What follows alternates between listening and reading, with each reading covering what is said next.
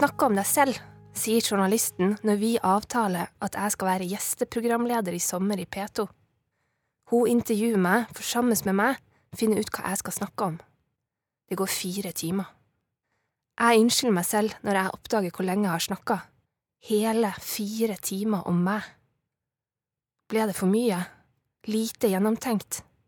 For utleverende? Eller for bastant? Hva synes hun egentlig om meg? Men så blir jeg så irritert på meg selv, at de tankene alltid skal komme. Hvorfor er jeg så redd for hva andre folk synes om meg? Siden jeg var lita, har jeg tenkt at livet måtte bety noe, at jeg ikke bare ville tulle det bort, at ting skulle gjøres skikkelig og på fullt alvor. Det fantes ikke noe grense for hvor mye arbeid jeg kunne legge i det jeg gjorde. Jeg skapte en kravfull verden rundt meg selv, men også en verden full av lidenskap. Jeg har lyst til å bruke denne timen til å fortelle noe om å feile, om å mislykkes, fordi jeg tror at akkurat det gjør oss til vakre mennesker. Fordi ei jente som tenkte at alt måtte gjøres på så fullt alvor, trengte å forstå at man også kan le mens man gjør det, og at det er nettopp i feilene at det vakre oppstår. Min klovnelærer sa til meg, hvis du klarer å møte alle paradoksene og de motsetningsfulle følelsene inni deg, da vil du begynne å le av det vakre din egen latterlighet. Når jeg står på en scene eller lager teater, handler det om å prøve å være dønn ærlig og sårbar sammen med andre. Når jeg er sårbar, er jeg ærlig med det jeg skammer meg over, feilene mine, det som gjør meg redd, det jeg elsker og det jeg drømmer om. Jeg leter etter den totale hudløsheten som jeg tror er en forutsetning for å virkelig møte og være sammen med andre mennesker. Når jeg glemmer meg selv og er der sammen med deg. Det er vår i Barcelona. Året er 2009, og jeg er 21 år gammel. Jeg har flytta dit og har begynt på et tre måneder langt, intensivt klovnekurs, fem dager i uka. Læreren på skolen har invitert den canadiske klovnelæreren Sue Morrison til å ha et helgekurs med oss. Vi gjør en øvelse der én og én skal stå foran de andre i klassen som klovn.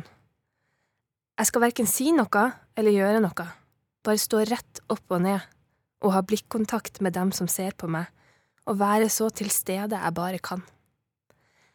Oppgaven min er å se dem som ser på meg, men også la dem virkelig se meg.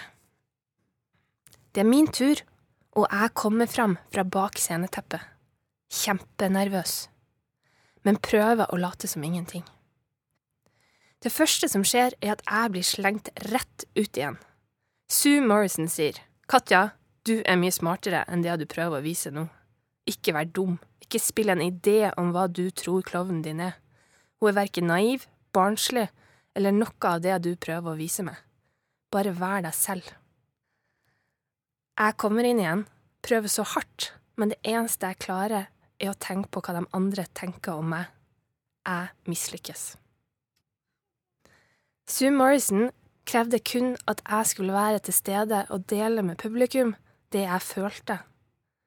Hvis jeg var redd, usikker, lei meg, glad eller noe annet, skulle jeg dele det, ikke skjule det, ikke sette opp en eller annen maske.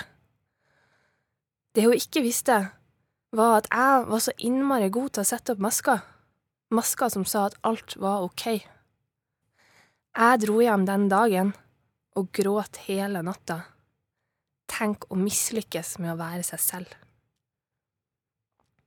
Dagen etter fikk jeg prøve igjen, og med rødsprengte øyne og sikkert så sliten at jeg ikke orka å kjempe imot, var jeg der sammen med de andre. Jeg følte at jeg ble sett, og jeg lot meg bli påvirka av dem som så meg. Da forsto jeg at gjennom å være sårbar, tillot jeg også andre å vise sin sårbarhet fordi jeg viste min. Publikum ble berørt av mitt alvor, og jeg ble berørt av deres.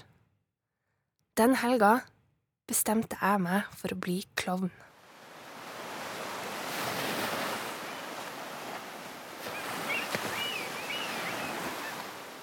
Det er 1994, og jeg er åtte år. Jeg går hjem alene fra skolen, og jeg innbiller meg at storskarven på pålen i havet er vennen min. Jeg gjør det fordi jeg ikke hadde noen venner selv. I hvert fall ikke noen bestevenn. Jeg var en romantiker. Jeg elska å lage sånne eventyr der jeg selv var heltinna. Vi bodde i Bodø, mamma og pappa og tvillingsøstera mi.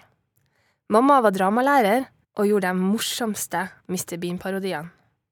Og hun brukte å tulleleke at hun ikke fikk til å pusle puslespill. Hun fortalte at jeg var i slekt med de magiske trollene i skogen. Jeg og søstera mi lekte alltid. Vi trengte aldri å rydde bort lekene våre. Vi var hekser i hagen hjemme, vi laga brygg og var alvene som herska over himmelen, skogen og havet. Vi laga lange musikaler og kledde oss ut, og jeg dansa. Jeg kunne danse sånn alene, moderne ballett, og det var så fint så utrolig fint inni hodet mitt. Jeg hadde det best når leken bare oppslukte meg helt. På skolen var det annerledes. Da var det som det gikk en konstant stemme i hodet mitt, som vurderte alt jeg drev med, om jeg var bra nok.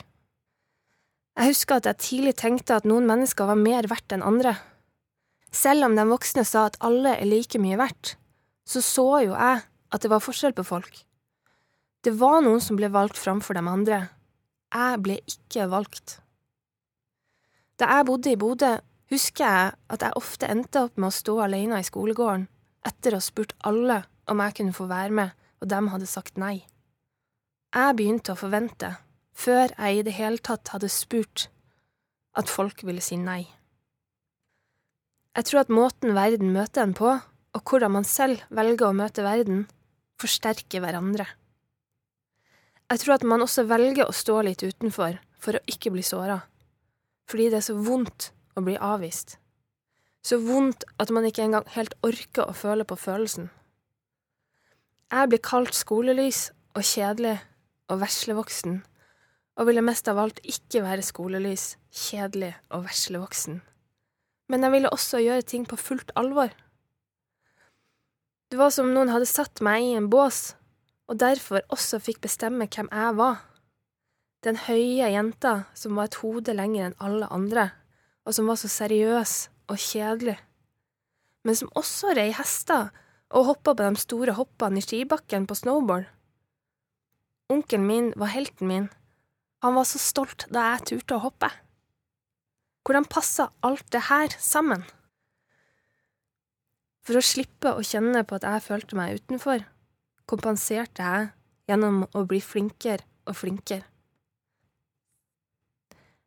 Både mamma og pappa har alltid jobba med teater, men de sendte oss aldri på teaterkurs. Jeg tror ikke mamma ønska at vi skulle begynne med teater, kanskje fordi hun visste hvor hardt det var. Men selvfølgelig begynte jeg på dramalinja på Ringve videregående skole, og det var fantastisk. Første året var bare gøy. Jeg fikk venner. Venner som var der helt til vi i andre klasse begynte å konkurrere mot hverandre. Alltid konkurranse, og jeg skulle jo gjøre alt på så dønn alvor. Ingen i klassen turte å si at de ville bli noe med teater. Man skulle ikke innbille seg det. Jeg turte ikke ordentlig å si det til min familie heller. Men jeg begynte å drømme om det likevel. Skuespiller. Jeg heter Katja Lindeberg, og i denne sommer i P2-timen snakker jeg om hvorfor jeg ble klovn, og min frykt for å feile.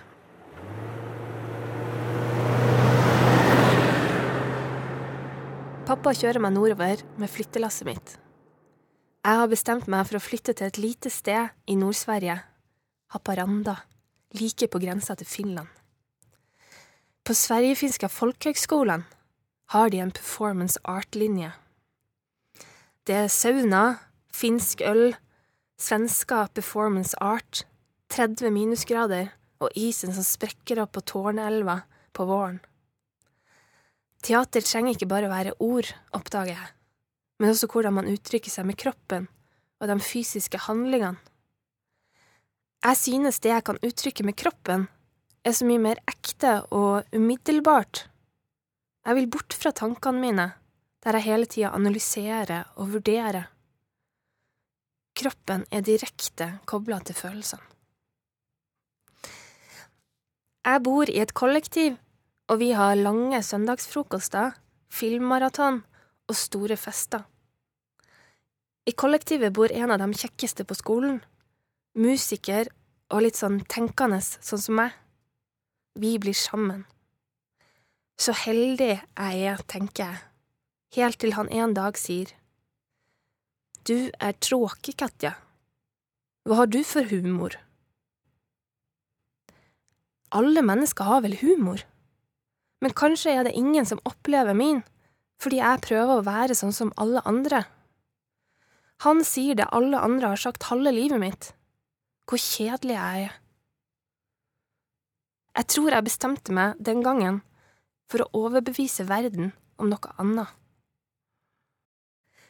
Rundt meg hører jeg mennesker som snakker spansk, og biler som tuter. Det er 20 varmegrader, og jeg går hjem fra grønnsaksmarkedet La Buckeria oppover Rambla og inn en av de smale sidegatene. Jeg har flytta til Barcelona, kan ikke et ord spansk, men jeg tenker at det ikke gjør noe, for jeg skal jo begynne på en mimeskole. Hver dag på skolen står klassen foran et stort, stort speil og gjør små, små, presise bevegelser med kroppen. Jeg er dritdårlig og sammenligner meg med de små, spinkle jentene fra Sør-Europa. I forhold til dem føler jeg meg stor og klumsete og ser bare den her ugrasiøse kroppen min i speilet mislykkes igjen og igjen. Men jeg er god på å jobbe, selv når ting er vanskelig. Jeg biter tenna sammen og har en så urokkelig tro på at om jeg holder ut tre år, så kommer jeg til å bli god. En ettermiddag er jeg på en kontaktimpro-jam. Kontaktimpro er en danseform der man improviserer dans med hverandre. Man har fysisk kontakt, og det er ofte mye løft og vektoverføring og rulling på gulvet. Jeg danser med en argentiner som syns det er mer enn spennende å danse med meg. I hans øyne en eksotisk nordisk amazone på 1,82. Jeg husker han som nesten halvparten så stor som meg. Han var jo sikkert ikke det, men liten var han. Han løfter meg opp og rundt, jeg tror at det er ganske tungt for han, og løftene som bør være ganske kontrollerte, blir ikke det. Jeg prøver så godt jeg kan å følge med, men plutselig merker jeg at kneet mitt gjør vondt, sånn skikkelig vondt. Jeg har vridd det. De neste månedene er jeg innom det offentlige sykehuset flere ganger. De sier at jeg bare skal ta smertestillende og hvile, men det blir bare verre. Dagene går. Jeg sitter på en stol foran speilet på skolen og gjør øvelsene kun med overkroppen, mens jeg fortsetter å se på de spinkle søreuropeerne som gjør alt perfekt. Jeg blir bare mer og mer lei meg, men det faller meg ikke inn å slutte. Jeg skal gjennomføre. Uansett hvor mye jeg gråter, hvor vondt det gjør å bruke kneet, og uansett hvor mange telefoner jeg ringer hjem til mamma, så slutter jeg ikke. Det går én måned, det går to måneder, det blir ikke noe bedre. Jeg har allerede vært hos osteopat. Nå ligger jeg på en benk med en masse nåler i meg hos en akupunktør. Akupunktøren kommer inn i rommet tar ut nålene og ber meg strekke ut tunga. Så sier han, etter å ha studert tunga mi en stund, You need to express yourself. Og han har så innmari rett, men der og da opplevdes det bare vondt, som om han har konstatert sykdommen, men lar meg bli hengende i løse lufta. Jeg gikk ut på gata og gråt, for jeg satt jo i Barcelona og turte ikke å åpne munnen fordi jeg var så livredd for å si noe feil, fordi jeg ikke kunne spansk, jeg ikke fikk til miming og var redd for hva folk tenkte om meg. Til slutt ble det konstatert meniskskade, og jeg ble operert på en privatklinikk i Barcelona. Jeg sa ikke et ord til kollektivet mitt. Jeg kom på sykehuset på morgenen, Det ble gjort kikulsoperasjon, og så kom jeg tilbake til kollektivet neste dag på krykka. Jeg ville mest av alt bare være usynlig. Endelig slutta jeg på mimeskolen. Mer enn noe annet trengte jeg å begynne å leke igjen, sånn skikkelig. Jeg trengte humor, og jeg trengte å få feile og glemme meg selv. Jeg slutta på mimeskolen og begynte på en liten, nyoppstarta klovneskole, Escuela The Clown de Barcelona, i en av sidegatene i sentrum. Fram til da hadde jeg prøvd å være alt det jeg trodde alle andre ville at jeg skulle være. Nå skulle jeg bare bli god på å være meg. Klovnen var en måte for meg å bli glad i meg selv.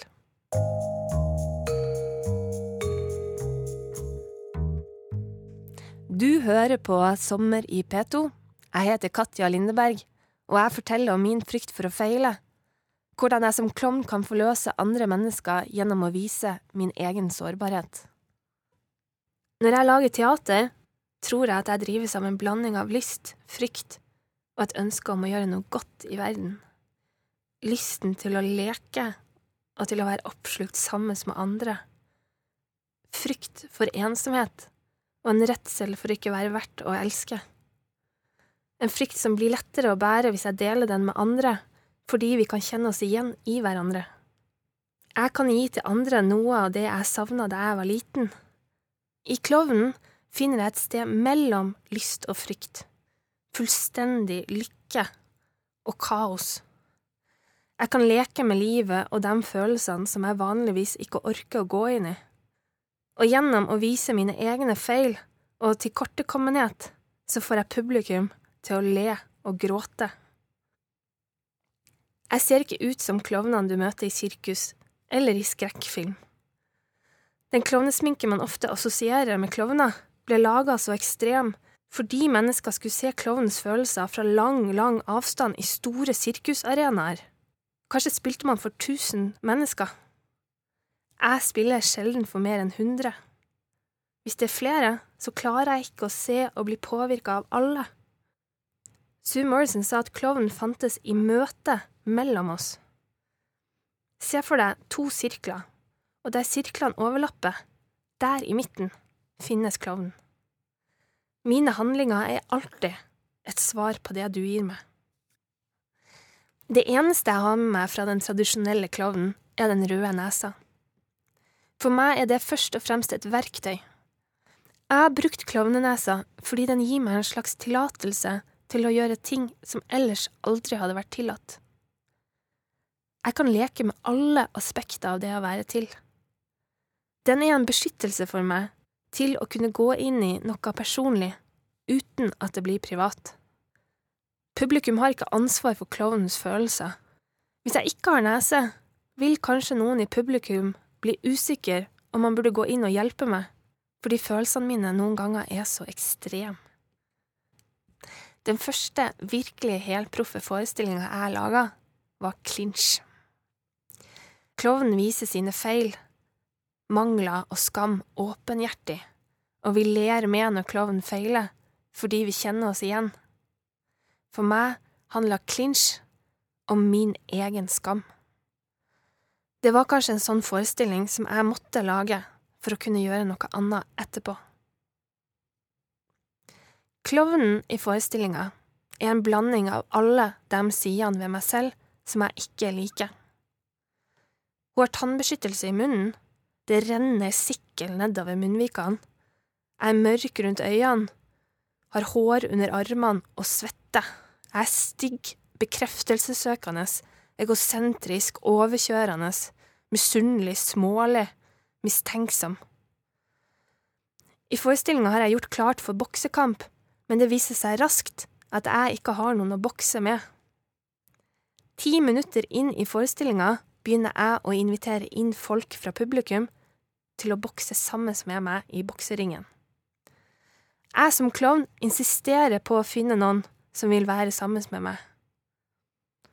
Hver boksekamp mislykkes. Jeg prøver den ene taktikken etter den andre, utspekulert og overkjørende. Til slutt er det ingen som vil opp i ringen lenger. Da bokser jeg ned meg selv. I anmeldelsen kunne man lese at det var en henførende, overraskende, ustyrtelig morsom og uendelig sår og trist forestilling.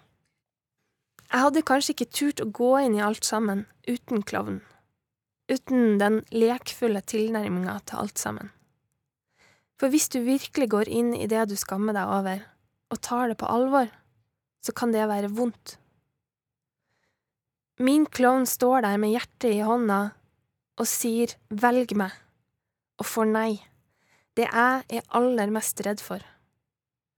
Jeg gir fra meg kontrollen til dem i publikum, fordi jeg vet at skal jeg forløse noe hos dem, berøre dem, må min forvandling skje der og da i møte med dem i salen. Jeg reiser meg igjen etter å ha boksa ned meg selv. Jeg reiser meg like mye for dem som ser på, som for meg selv. Forsvaret mitt er nede. Det er kun meg og dem som ser meg. Kanskje er det først da at man kan møte mennesker, når man ikke kjemper lenger. Det kan være ganske brutalt å spille clinch. Noen ganger har jeg mislyktes å få noen opp i ringen helt fra starten av. Jeg har blitt boksa ned. Jeg har blitt ledd av, og ikke med. Da vet jeg at vi ikke spiller sammen lenger. Fordi klovn eksisterer i møte, er kunstformen krevende.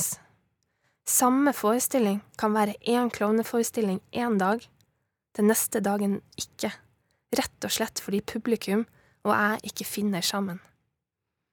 Art should comfort the disturbed, disturb the comfortable. Trøst den urolige, provoser den likegyldige. Mens jeg i clinch kunne være ganske provoserende, tar jeg fram en mye lysere side av klovnen min når jeg jobber for bistandsorganisasjonen Klovner uten grenser, eller som sykehusklovn på et av sykehusene i Norge. Som klovn kommer jeg inn i de mest private rommene til mennesker i unntakstilstand, som trenger at jeg bare er der og ser dem. Det er min oppgave å gjøre hverdagen litt lettere og litt mer magisk, bryte regler og endevende hierarkiene som stopper oss fra å være sammen. Jeg er i et fengsel i Moldova. Vi er en liten klovnetropp som skal få spille for de innsatte i et fengsel. Et fengsel med tenåringer og voksne, alle menn. Jeg er den eneste dama i troppen. Vi rigger oss til oppe på scenen i en nedslitt sovjetisk festsal. De innsatte begynner å komme, og jeg bestemmer meg for å varme opp publikummet vårt. Improvisere nede blant benkeradene, hilse på alle sammen. Jeg leter i kofferten min og tar fram en prompepute. Hvorfor ikke? Ok, det er en idiotisk greie, men prompehumor, det kan funke også for seriøse voksne. Kanskje nettopp med seriøse voksne. Alle som skal se forestillinga, må sitte på prompepute. Mennene ler, jeg ler. Det blir prompa og prompa. De yngste guttene sitter på puta, de eldre mennene med tattiser oppover armene, og vaktene, alle sitter på puta. Når det kommer prompelyder fra vaktene, er det kanskje det morsomste av alt. Den lille, magiske klovnen, så ufarlig og så lite dømmende, får hele fengselet til å gjøre akkurat som hun vil. Kanskje fordi vi lo med og ikke av. Hierarkiene i fengselet er plutselig brutt. På den siste turneen jeg gjorde for Klovner uten grenser, ble jeg sendt ned til Hellas, til flyktningleirene rundt Tessaloniki. Der klovner jeg for barn som har flykta fra krig og fattigdom. Vi kom dansende inn i leiren spillende på musikkinstrument, og det titta fram øyne fra teltdukene som lyste opp når de så oss. Kom, ropte vi, og vi laga parade gjennom leiren, forbi radene med telt og klesvaskene som hang til tørk. På en liten grusplass begynte vi å spille den lille forestillinga vår. I Norge møter jeg barn innlagt på sykehus. Det er samme øynene som lyser opp det er mindre vondt når klovnene er der, sier ungen. Når det kreftsyke barnet eller han med CP som må ta injeksjoner hver tredje måned, vil ha klovnene der når sprøyta skal tas, blir jeg så glad inni meg. Akkurat det minuttet eller timen glemmer vi alt som har med sykdom å gjøre. Det er mandag morgen. Jeg og kollegaen min er på jobb, og vi går rundt på avdelingene for å høre hvem som er innlagt på sykehuset i dag. En av pasientene vi skal møte, er et engstelig barn som er der for utredning. Hun eller han, la oss si hun. Hun mangler språk, og jeg får vite at hun har flykta til Norge med familien sin. Kan dere ikke bruke litt ekstra tid med henne, sier sykepleieren. Hun virker så redd. Vi banker forsiktig på døra hennes og titter inn. Jenta snur seg mot oss, og jeg ser overraskelsen i øynene hennes. To sykehusklovner. Jenta kommer springende mot oss. Hun er ikke redd. Hun hyler. Det er et sånt spontant gledeshyl som samtidig er så skjørt og overveldende at det lett kan gå over til gråt. Jeg setter meg ned og strekker ut armene mine. Jeg smiler. Hun kommer helt nær og vil ta på meg. Vi klapper hendene våre mot hverandre. Kollegaen min begynner å spille på en spilledåse. Jeg og jenta danser sammen. Hun hyler igjen, og jeg hyler tilbake, akkurat som hun. Hun hyler mer og mer, og jeg svarer. Det er som et sånt Ronja Røverdatter-hyl på våren som om hun sier til meg Her er jeg. Og jeg gledeshyler tilbake og sier det samme, Her er jeg sammen med deg. Jeg ser bort på pappaen og ser at han tørker bort noen tårer fra kinnet sitt. Han smiler til meg. Broren min, Rasmus Rode, har skrevet denne sangen. Første gang jeg hørte den, gråt jeg. Også andre og tredje, og hver gang fordi jeg har møtt barn på flukt som er så utrolig tapre.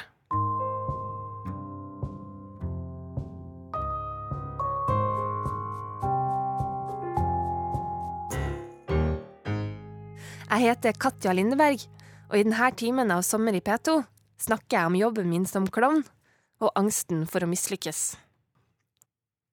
Favorittonkelen min, søskenbarnet mitt og jeg sitter i bilen hjem fra Vassfjellet skianlegg. Jeg er 14 år.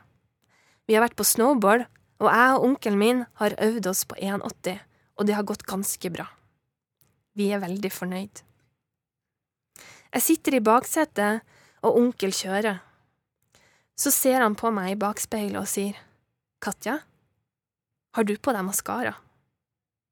Og så sier han alvorlig og litt ertende, det må du jo ikke. Få se, sier søskenbarnet mitt ved siden av og jeg prøver å komme opp med en unnskyldning for at jeg har maskara på meg. Jeg skammer meg, for jeg forstår jo at jeg mener at ei tøff jente ikke bruker maskara. Man skal ikke bry seg om sånne ting. Og jeg skjønte at det fantes noen uskrevne regler som jeg måtte forholde meg til. Jeg kunne ikke ha på meg maskara og stå på snowboard med onkelen min. Men hadde jeg ikke maskara på skolen, så var jeg ikke gjentatt nok. Jeg har en mastergrad i teaterklovn fra Stockholm Dramatiska Høgskola. Min master handler om hvordan klovnen forholder seg til kjønnsnormer. Jeg undersøkte hvordan jeg kunne skape humor gjennom å bryte kjønnsstereotypier. Klovneformen ble en måte å være politisk. Det går ikke å sette folk i bokser og tro at man har forstått hele mennesket. Jeg kan være snill og slem samtidig. Jeg kan være misunnelig og likevel ville deg vel. Jeg kan være stormforelska samtidig som jeg er redd og kontrollerende, sårbar og sterk, sikker og superusikker, ville bli passa på og passe på deg. Jeg begynte å bruke klisjeer og stereotypier i det jeg laga. Gjennom å ta klisjeene og stereotypiene på skikkelig alvor kunne jeg komme bakenfor ideene og sprenge dem. I 2012 laga jeg en forestilling for barn om bare Rosa kunne trylle, som brukte prinsessestereotypien. Min klovn fikk navnet Rosa og var en prinsessejente. Nært innpå 30 000 barn har møtt Rosa de siste årene på skoler rundt om i landet gjennom Den kulturelle skolesekken. Rosa er ei bortskjemt, men også en sårbar, ensom prinsessejente som får så mange leker og så mye godteri hun vil. Men mest av alt ønsker hun at foreldrene skal være mer hjemme sammen med henne. Hun må være alene hjemme fordi mamma er på konferanse og pappa trener. Jeg kommer syklende inn i rosa prinsessekjole, på en rosa sykkel, med rosa krone og en lekekurv og en lekekasse fylt med rosa leker. Hundre barn ser på meg. Guttene synes jeg er teit. Jeg hører en av dem sier, Skal vi se en sånn jenteforestilling? Etter fem minutter elsker de rosa. Jeg vet at noen har fortalt dem at de ikke kan like prinsesser, men når det viser seg at prinsesser er som dem, så blir Rosa først og fremst et barn. Rosa skal få være protagonist og heltinne og sårbar og rar og morsom og lei seg, alt på samme gang. Jeg opplever at barna jeg spiller for, speiler seg og kjenner seg igjen i Rosa, nettopp fordi hun er klovn og oppriktig og ærlig og kompleks, og fordi det kan være ganske brutalt å være barn. Man kan være så utrolig glad, men også så utrolig lei seg. Det her er ordentlig teater, var det ei jente som sa, og da mente hun at det var jo sant det som skjedde, Rosa var på ekte. I forestillinga prøver jeg som Rosa å trylle frem en ny mamma eller en pappa gjennom å lage et magisk brygg. Jeg klarer ikke å trylle, så det ender isteden med at jeg finner en voksen i publikum som får spille pappaen eller mammaen min. Som i clinch velger jeg å involvere publikum fordi jeg tror på møtet mellom oss. Jeg risikerer også i Om bare Rosa kunne trylle, og feile. Og det har skjedd. Jeg har feila sånn skikkelig. Men i det oppsto det jo også noe vakkert. Det var i Edinburgh. Jeg var godt i gang med forestillinga og valgte en dame til å være mamma, og vi lekte sisten oppe på scenen. Vi fekta. Som en del av forestillinga falt jeg plutselig. Jeg som Rosa fikk vondt, det var flaut, og jeg var redd for at også denne voksne skulle gå sin vei. Når man føler seg trengt inn i et hjørne, klarer man ikke alltid å gjøre det som er riktig. Og Rosa er et barn og blir rasende og begynner å beordre mammaen til å knele, deretter reise seg opp, ligge og knele igjen. Jeg som Rosa skriker til mammaen, syns du jeg er slem, mens øynene mine er fulle av tårer. Midt i scenen i Edinburgh reiste den voksne seg, forlot scenen og gikk og satte seg. Hun vil ikke være med lenger. Egentlig er planen at den voksne jeg har valgt, skal bli på scenen og at Rosa og mammaen skal bli venner igjen. Nå gikk jo ikke det. Og jeg sto igjen, og det var det verste som kunne skje både meg og Rosa. Jeg vet at jeg beveger meg på grensa til hva man kan be publikum gjøre. Men jeg må la det være på grensa for at man skal kjenne at det her er på ordentlig. Det eneste jeg kunne gjøre, var å prøve å ikke skjule hvor sårbar jeg var i situasjonen, og ha tillit til at det kom til å løse seg. Jeg valgte da som Rosa å følge etter publikummeren og ta med meg lekeboksen Rosa sover i, og sette meg ved siden av den voksne midt blant publikum. Jeg spør i slutten av forestillinga om mammaen kan synge en godnattsang til meg så jeg som Rosa klarer å sovne.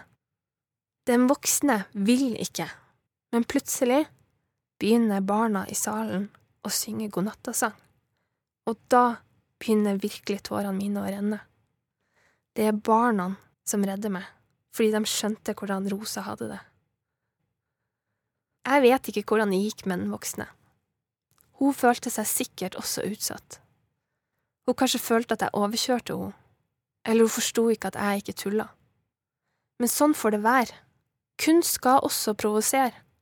Vi skal ikke alltid strykes medhårs, og i hvert fall ikke voksne, som har et reelt ansvar for de barna som vokser opp. Da jeg var liten, skulle jeg ønske at jeg traff flere voksne som tok følelser på dypeste alvor.